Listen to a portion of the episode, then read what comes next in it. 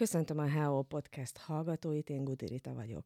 Mai vendégünk pedig Kohári Szilvia, az Egri Caritas Rév szenvedélybeteg segítő szolgálat vezetője, aki azért jött el hozzánk ma vendégségbe, mert holnap egy jubileumot ünnepelnek, 25 évvel ezelőtt jött létre ez a szervezet Egerben. Tegeződni fogunk a beszélgetésben, mert olyan nagyon régen ismerjük egymást, hogy valószínűleg elrontanánk, hogyha ezt magázósra kellene vennünk. Szervusz, Szilvi! Szia, Rita, köszöntöm a hallgatókat is. Én úgy tudom, hogy te már 25 évvel ezelőtt, amikor létrejött ez a szolgálat, ott kezdtél dolgozni, így van? Hát igen, munkatársként hárman kezdtük a szolgáltatást, Godó János, Zenei Andrea és én voltunk a három első dolgozója az Egri Révnek, ami akkor egy nagyon pici családi házba indult a Lajosvárosba, a Kolozsvári út 49 szám alatt.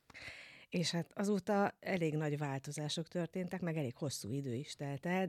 Az alapcsapatból úgy tudom, hogy azért Andrea, akit az imént említettél, az elejé Andi, szintén ott van veled együtt, de fejlődtetek sokkal többen vagytok, és a hely is nagyobb lett. Igen, hát számos pályázati támogatást nyertünk el nyilván az elmúlt 25 évben, így aztán most azért egy 200 négyzetméteres nagy intézményben dolgozhatunk.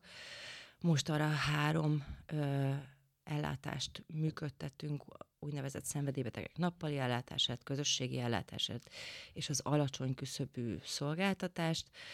Hát most már tízen dolgozunk az EGRI révben, és nem csak Egert látjuk el, hanem 44 települést Eger környékén, a nappali ellátásunk pedig országos ellátás lett. Kicsit bontsuk ezt ki, hogy mit jelentenek ezek a részterületek, milyen szolgáltatások azok, amiket ti nyújtotok, kik, az, akik, kik azok, akik hozzátok fordulhatnak, hogyan találhatnak meg benneteket. Én azt szoktam mondani, hogy az EGRI rév legfontosabb szolgáltatása az úgynevezett alacsony küszöbű szolgáltatás, szerintem ez az alapszolgáltatás, így ez is indult. a legmisztikusabban alacsony küszöbű. Mit jelent ez? Hát azt, ami, ami a nevébe is benne van, hogy bárki könnyen átlépheti az ajtó küszöbét, tehát bejöhet hozzánk bárki, és segítséget kérhet, nem kell hozzá semmi. Egy dolgot azért szerettünk kérni, de sem feltétel, hogy ha szenvedélybetegről van szó, akkor szermentes állapotban érkezzen azért, hogy tudjunk vele beszélgetni. De, mint mondtam, ez sem feltétel. Mi az EGRI révben kezdetektől 98 április 1 nyitottunk, akkortól úgy gondolunk a szenvedélybetegségre, mint egy családi betegségre.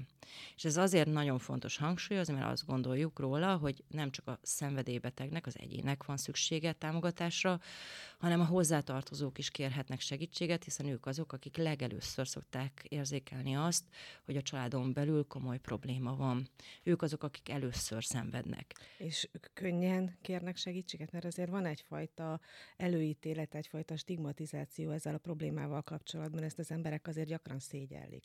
Hát ez olyan ö, fontos dolog, amit most mondasz, mert hogy azért dolgozunk nap, mint nap, hogy megértsék, hogy ez egy progresszív halálos betegség, ugyanúgy ö, BNO kódja van, mint minden más ö, orvosnál kezelt betegségnek, csak ez egy összetettebb mentális folyamat, tehát van olyan része, amit lehet, hogy gyógyszerekkel kell kezelni, itt a megvonásos állapotokra gondolok, de az összes többi rész nagyon fontos támogatásra szorul, mentálhigiénés, pszichológiai támogatásra, és ezt a részét kaphatják meg a, a révben, és a hozzatartozók meg azért kerülnek fókuszba, mert nem csak, hogy először észlelik, de hogy a szenvedélybeteg, az megbetegítheti a hozzátartozót is.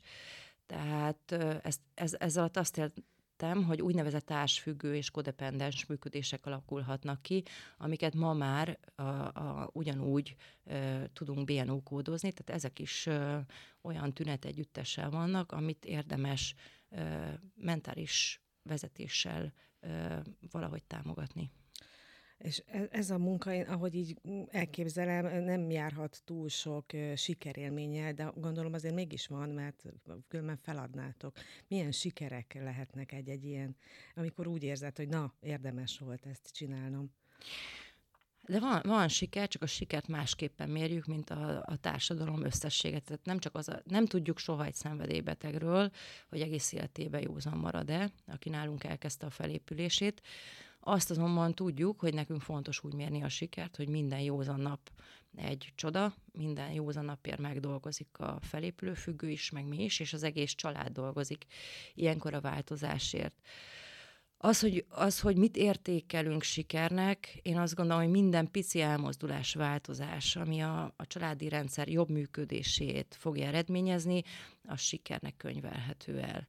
És ö, én a, hogyha belegondolunk abba, hogy 15-20 évet iszik egy szenvedélybeteg, és bejön egy nap a révbe, és mondjuk onnantól kezdve nem kell innia, akkor én azt gondolom, hogy ez nem csak a mi, hanem az ő óriási sikere, és hát egyben tényleg egy csoda, mert nem tudjuk, hogy mitől történik ez.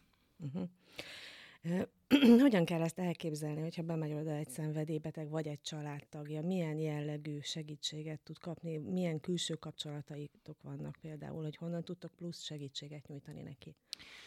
Én úgy gondolom, hogy a szenvedélybeteg segítés csak egy nagyon kiterjedt kapcsolatrendszerrel, együttműködéssel, intézmények közötti együttműködéssel valósulhat meg. És ahogy mondtam, országos ellátásunk is van a nappali ellátásban, ezért aztán nagyon fontos, hogy a hozzánk fordulóknak a legjobb szolgáltatásokat tudjuk nyújtani, vagy kiközvetíteni. Ez azt jelenti, hogy mindenki kapni fog egy első, beszélgetést, első beszélgetést, és nagyon nagy szerencsénk van, hogy mi még tényleg tudunk egy órát foglalkozni egy hozzánk fordulóval, egy klienssel. Ezt azért nagyon más intézményben nem tudja megtenni. Ebben a segítői beszélgetésben általában felmérjük azt, hogy ő pontosan hol tart, mi az, amire hajlandó, mi az, amit szeretne megtenni, vagy mi az, amire képes most ebben a pillanatban, hogy megtegye a felépüléséért. És ezen, ez, ez a tény, ez azt is jelenti, hogy egyénekkel dolgozunk, és egyéni segítségnyújtást kap mindenki. Tehát nincsenek standardek arra vonatkozólag, hogy mi fog a következőkben történni. Ha ő azt vállalja, hogy megpróbál ebben az ambuláns formában, hogy bejár hozzánk felépülni, akkor mindig megajánljuk neki a 12 lépéses programokat, az anonim közösségeket, amik itt a városban is jól működnek, illetve a környezet településeken is elérhetőek, mert azt gondoljuk, hogy egy józan közösségre szüksége van, hiszen más kapcsolatrendszert kell kialakítania ahhoz, hogy ő valóban felépülésben tudjon maradni. A, a segítője pedig kísérni tudja abban, hogy, hogy meg, a megfelelő válaszokat találja meg. Arra, tehát a, a szenvedélybetegség az mindig egy olyan öngyógyítás, amiben meg kell értenünk azt, hogy mire kell használnia a hozzánk fordulónak. Hogyha nem tud nálunk megállni, akkor nagyszerű rehabilitációs intézményekkel vagyunk összekötetésbe, és ez azért nagyon fontos, mert mindenki azt hiszi, hogy, hogy, rehab, hogy akkor egy elmegy a rehabba, és akkor ott majd minden megváltozik. De általában a rehabilitációs intézetek is azt szeretik, hogyha egy előmunka történik a klienssel, tehát mi felkészítjük arra, hogy tudja, hogy hova megy, meg mit vállal. Uh-huh. Mert nincs értelme annak, hogy valaki elmegy nagyon messzire, mondjuk Baranya megyébe egy, egy rehabilitációs intézménybe, és még két hónap múlva úgy dönt, hogy eljön onnan, pedig a terápiája több mint fél évig tartott volna. Ezért ezt, ezt egy megelőző munka kell, hogy, hogy valahogy előkészítse, és utána az utógondozás is általában miénk szokott lenni. Ha kórházi ellátásra van szükségem, mert olyan súlyos megvonásos tünetei vannak, akkor, akkor is igyekszünk olyan kórházi kezelést keresni. A kórházi kezelések is eltérőek ma Magyarországon, uh-huh. amiket többnyire pszichiátriai intézményekben végeznek. Megkeresni neki a legmegfelelőbbet. És mindig felhívjuk a figyelmet arra, hogy ebben a nagyon gyorsuló világban mindenki nagyon gyorsan szeretne felépülni, uh-huh. de hogy nem tudjuk megspórolni azt az időt, amit az ellátottnak önmagával kell töltenie. Mhm, nincsenek instant megoldások. Nincsenek, nincsenek, és ezért aztán én azt szoktam mondani, hogy a felépülés egy élethosszig tartó folyamat. Ez nem azt jelenti, hogy egy élethosszig nagyon rosszul lesz és majd küzd, hanem megváltozik az élete, és reméljük, hogy egy boldog felépülés fogja követni, amiben ő nagyon sok örömet él meg, meg nagyon sok olyan sikert, amit, amit nem élhetett volna meg mondjuk az alkoholizmusa kapcsán. Uh-huh. Az elején említetted, hogy a függőség valahol a családbetegsége, és a hozzátartozók is fordulhatnak hozzátok. Őket hogyan tudjátok kísérni? Ők milyen segítséget tudnak ebben kapni tőletek? A hozzátartozóknak, és egyébként a szenvedélybetegeknek is vannak csoportfoglalkozások az EGRI révben, amiben ezt a felépülési folyamatot, vagy ezt a változást így az egyéni segítői beszélgetések mellett támogatjuk. Nagyjából ugyanaz történik, hogyha egy hozzátartozó jön be hozzánk, mint akkor, hogyha egy szerfüggő, ugyanúgy felajánljuk az egyéni segítői beszélgetést, és ugyanúgy vannak hozzátartozói anonim csoportok is. Az úgynevezett Alanon az olyan önsegítő csoport, ami kifejezetten szenvedélybeteg hozzátartozóknak van, jött létre, és a, a helyet mi adjuk az EGRI révben. De az egyéni kísérés azért nagyon fontos, mert egy hozzátartozó való munkának mindig lehet következménye az, hogy a motiválatlan szenvedélybeteg is megérkezik a segítői munkába, és legalább annyi, amiatt, hogy megnézze, hogy ki az a segítő, aki telebeszéli az ő hozzátartozója fejét, és mindent megváltoztat, és teljesen szétrombolja a mindennapi életüket. De mindenképpen a családi rendszerben valami változást akarunk, elmozdulást indukálni, és ebben nagyon jól tudunk együtt dolgozni a hozzátartozókkal. Uh-huh. Én úgy gondolom, hogy ma Magyarországon még fontos azt világossá tennünk, hogy a ti nevetekben azt, hogy szenvedélybeteg segítő, az ugye nem csak azt jelenti, hogy valamilyen kábítószer, valamilyen drog az ő függősége, hanem egy sokkal triviálisabb, hétköznapi dolog is, amit hajlamosak vagyunk nem betegségként kezelni. Nyilván az alkoholra gondolok. Hát az a, a, a, én számomra az alkoholgyógyszer az, az mindenképpen... Ö... Számodra igen, de én úgy gondolom a köztudatban igen. ezt így nem uh-huh. kezelik még, mert sokkal inkább elfogadjuk azt, igen, ez egy, ez, egy, ez egy nagyon érdekes dolog, hogy a, akár hogyha a médiát is nézzük, mennyit foglalkozunk illegális ö, droghasználattal, illegális kábítószer használattal, és hogy mennyire kevés figyelmet kap az alkoholgyógyszer használat. Van egy beágyazottság az alkohol használatnak a, a társadalmon belül, és hát a gyógyszerekhez is viszonylag nyugtatókhoz, altatókhoz, antidepresszánsokhoz viszonylag könnyen hozzájutnak azok, akiknek erre szüksége van. És, és én azt tapasztalom, hogy az elmúlt 25 évben az a tendencia, hogy a hozzánk fordulóknak a jelentős százaléka, a legjelentősebb százaléka alkoholfüggő, az nem változott. Uh-huh.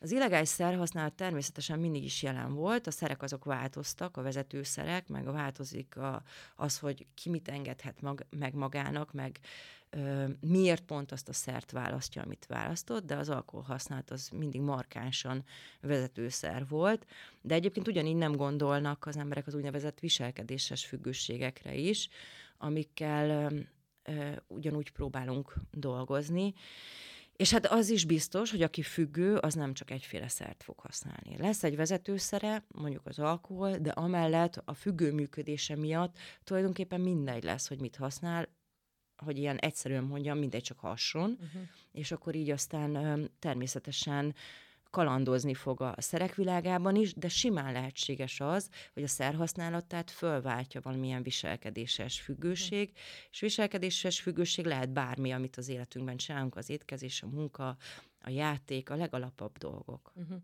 Azt mondod, hogy az nem változott, hogy az alkohol függők vannak legtöbben, és hogyan alakult a hozzátok fordulók életkora, akik valamilyen függőségtől szenvednek? Fiatalodtak, idősödtek?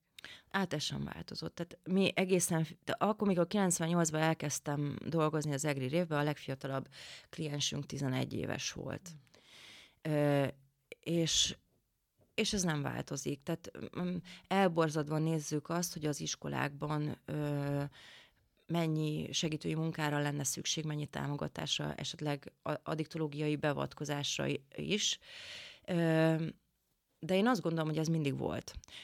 És az, az, az azért nagyon jó, hogy erről beszélünk, mhm. hogy ez a, ez a tendencia van. Az változott, hogy a fiatalok mit használnak. Tehát akkor, mikor én azt mondtam, hogy 98-ban az első, az 11 éves volt, akkor ő ö, cipus volt, uh-huh. tehát szerves oldószereket használt. Ez ma már azért nem nem jellemző, vagy jóval kevesebben elenyésző mértékben vannak. Ugye a designer drogok térhódításával a telepesedett részeken ez a fajta szerhasználati működés megváltozott. Ez ugyanolyan, ha nem nagyobb probléma. Ez egy óriási probléma a mai napig. Mindenkinek feladja a leckét, addiktológusoknak, nekünk olyan szenvedélybeteg segítőknek, akik a terepen vagyunk különösen, mert itt azért konkrét családok érintettek, tehát ott nagyon nehéz jó beavatkozásokat végezni, és viszonylag eszköztelenek is vagyunk, ahol a szülők ugyanúgy szereket használnak, mint még a gyerekek. Uh-huh. És azért ez telepesedett részeken előfordul. És hát a fiatalkori szerhasználatban itt nagyon fontos megemlíteni a rohamivást. Ez is egy picit ö, felerősödött az elmúlt ö, évtizedben, én azt gondolom. Hogy olyan gyorsan isznak, hogy mire az hatna már esetleg detoxikálóba kerülnek, mert olyan rossz alkoholmérgezésük lesz, vagy mire kell erre gondolni? Igen, hát arra kell gondolni, hogy ha elmegy egy fiatal egy buliba, akkor egyre kevésbé teheti azt meg, hogy a szórakozó helyen vegyen magának mondjuk egy pohár italt. Ezért aztán azt érzi, az a közösség, aki elmegy bulizni, hogy előtte meg kell innia mérhetetlen mennyiségű töményet mondjuk, és azt nagyon gyorsan teszik, mert ugye oda kell érni a buliba, vagy be kell érni. És ezért aztán, mire bejutnak, olyan állapotba kerülnek, amikor már nem tudják jól érezni magukat, tehát nagyon gyakoriak a rosszulétek, meg nagyon gyakori az, hogy be sem jutnak, mert a buli előtt gyakorlatilag összeesett állapotba hevernek valami szórakozó helyen. Én ilyenkor azért azt el szoktam mondani, hogy nagyon fontos megtanítani a gyerekeket arra, hogy egymást nem hagyjuk ott, mm. hogyha szükséges, akkor kérünk segítséget felnőttől. Én azt szoktam mondani, hogy ez még mindig jobb, mint hogy komolyabb probléma legyen. Ez most így kicsit belém ragasztotta a szót, mert elképzeltem, nekem is vannak gyerekeim, hogy milyen lehet ez. Nincs könnyű munkátok, de most ünnepelni fogtok holnap. Mondjuk el, hogy hol, milyen esemény, és ez mennyire nyitott, amivel a Rév 25. születésnapját ünneplitek a Lajosvárosban.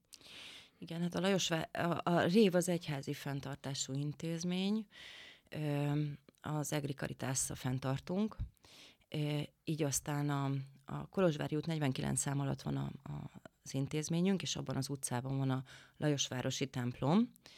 Úgyhogy a Lajosvárosi templomban Érsek Atya egy háladó szentmisével fogja kezdeni az ünnepséget. És Október 19-én csütörtökön, igen, hány órakor? 10 órakor kezdjük a, kezdi Érsek Atya a szentmisét, és a szentmisét követően pedig szeretnénk, hogyha egy picit így betekinthetnének az a rév életébe, ezért egy kortás segítőnk fog beszélni a, a velünk való, hát most már szerintem jó néhány éves együttműködéséről, meg a, a, arról, hogy milyen tapasztalatai vannak. Felépülő függő fogja elmesélni azt, hogy hogyan kezdte a munkát velünk együtt, és hát készítettünk egy réves filmet, amiben igyekeztünk a, a partnereinkkel, partnereink segítségével összefoglalni azt, hogy milyen munkát is végzünk.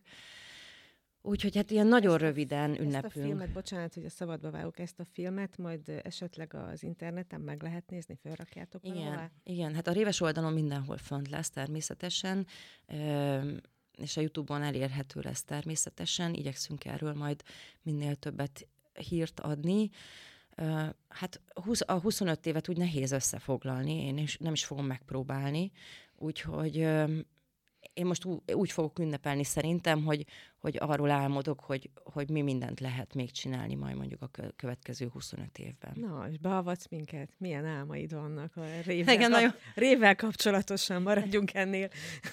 Nekem nagy... Ma reggel néztem meg a, a réves filmet újra, hogy, hogy elkészítsem azt, amit majd így mondani fogok valójában úgy véglegesen, és akkor ott a réves filmben beszélnek arról a, a barátaink, hogy mi mindent ajándékoznának nekünk, mint Egri révnek, és akkor mindazt az ajándékot nagyon szívesen elfogadnám, amit ott mondanak.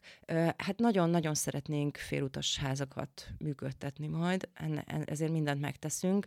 Ez azt jelenteni, hogy az Észak-Magyarországi régióban elkezdődhetne egy olyan munka, ahol a felépülésért nem kell nagyon messzire utazni, tehát egy picit rehabilitációs szemléletben, ambuláns és bentlakásos kicsit kevert formában szeretnénk dolgozni majd mindenképpen fontos lenne, hogy az utógondozását mondjuk a rehabokról visszatérőknek itt Gerben meg tudjuk csinálni, tehát ez egy védett lakhatás lenne.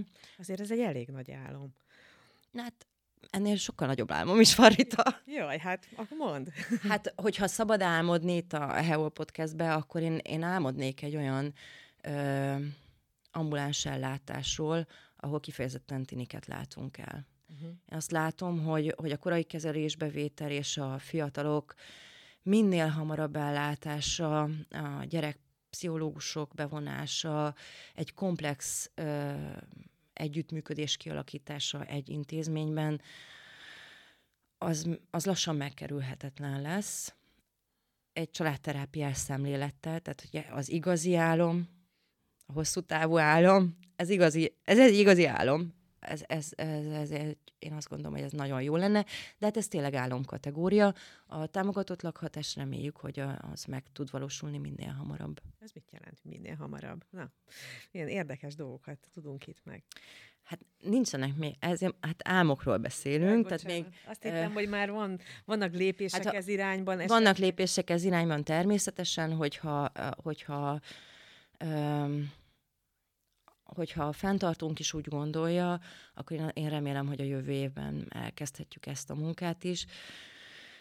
Én úgy gondolom, eddig a, a fenntartóval való együttműködésünk nagyon sok mindent lehetővé tett, nagyon nagy támogatást kaptunk a, a munkánkhoz. Én azt gondolom, hogy szakmailag azért tudtunk így fejlődni, meg mindig egy picit a, előtte járni az igényeknek, mert, mert mindenben partner volt az Egri Főegyházmegye, és hát nagyon remélem, hogy legalább 12 fő ö, védett lakhatását valahogyan meg tudjuk majd szervezni. Hát mindenképpen beszélünk arról is, hogyha ez megvalósul úgyis. Mindenképpen, és akkor így jó lezárás lehet, hogy tényleg azt kívánom, hogy valósuljanak meg az álmaid, és legközelebb akkor beszélgessünk, amikor, hogyha nem is a legnagyobb, de valamelyik kisebb álmod megvalósul. Köszönöm szépen, hogy itt voltál. Köszönöm én is a beszélgetést.